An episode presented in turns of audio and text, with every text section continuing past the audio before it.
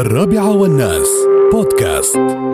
وكلكم تحملوا على عماركم أمس قريت آه، الله يجيرنا ويجيركم قصة آه، اليمني اللي في باريس. مندوب اظني هو في الأمم المتحدة شغال مكان المهم في أو في السفارة.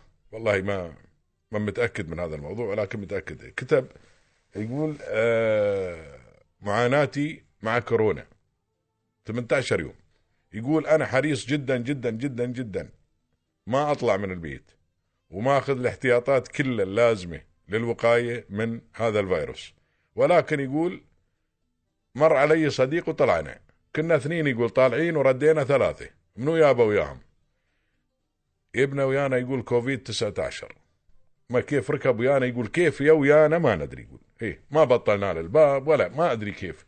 ممكن يقول يوم نزلنا من السيارة بطلنا الباب ركب هاي الساعة ما أدري. المهم يقول يبتي وياي البيت. فيقول 18 يوم أنا أشوف الموت. شفت الموت 18 يوم. في كل دقيقة أشوف الموت يقول. تعوذ بالله اللهم لا تبلينا فالواحد يتحمل على عمره ولا بعدين العملية مب في ناس يقول لك لا عادي لا ما بعادي. اي في ناس لا زالوا لحد الآن يوم تقول له ما تلبس كمام ما تلبس قفاز ما تأخذ الاحتياطات. قال لك لا عادي لا ما بعادي. اي ابدا ما بعادي. اي يقول لك يعني في ناس نعم الحمد لله رب العالمين في ناس يصحون وفي ناس لكن بعد في ناس يموتون. اي ما نتمنى لك الموت ولكن بعد حتى العزل هذا روحه بلا الحين في ناس في البيوت متضايقين يقول لك نعم متضايق. هو في بيته الحمد لله رب العالمين في مملكته وعنده عياله وين أهله الحمد لله ويقول لك أنا متضايق.